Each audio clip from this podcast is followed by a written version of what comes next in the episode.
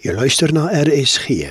Dis tyd vir die aandgedagte en hier is pastoor François de Jager van Salvation to Every Nation bediening om dit aan te bied. Goeienaand lieve luisteraar. Dis weer lekker om vanaand saam met jou te gesels en saam met jou te kuier. Ek wil met jou praat oor waarom word ons geseën deur die Here. Jy sien ons almal soek dit, ons almal het dit nodig en ons kan nie sonder dit lewe nie en dit is die seën van die Here in ons lewe. Die Bybel sê in Genesis 12 vers 2: Ek sal jou seën sodat jy ander ook kan seën.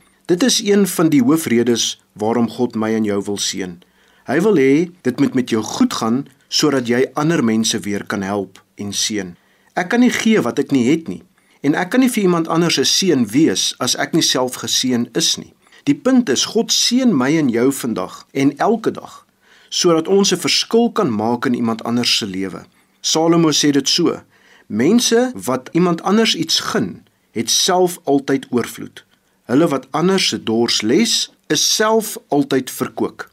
Die strome van lewende water wat ons van lees in Johannes 7 vers 38 wat in ons binneste uitvloei, vloei uit na diegene om jou. Die Here se vergifnis in jou stel jou weer in staat om ander mense te kan vergewe volgens Matteus 6 vers 12. Sy genade teenoor jou maak weer dit vir jou moontlik om genade en barmhartigheid teenoor ander mense te toon. Ja, die Here wil jou seën, maar hy wil hê die seën wat hy vir jou gee, moenie net by jou stop. Dit moet uitgaan na ander mense toe. Jy sien dis presies die probleem van die dooie see.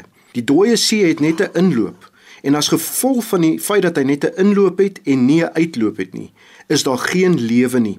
En wat van my en jou? As ons net heeltyd verwag dat die Here ons moet seën, maar ons is nie bereid om daai seën weer te deel met iemand anders, soos wat ek gesê het in Genesis 12 vers 2, ek sal jou seën sodat jy 'n seën vir iemand anders kan wees nie.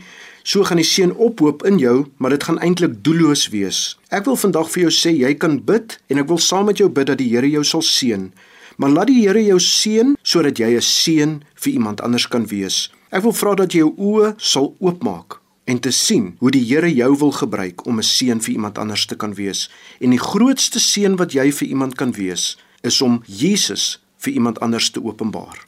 As jy geld het, deel dit met iemand. As jy kos het en iemand het nie kos nie, deel dit met iemand.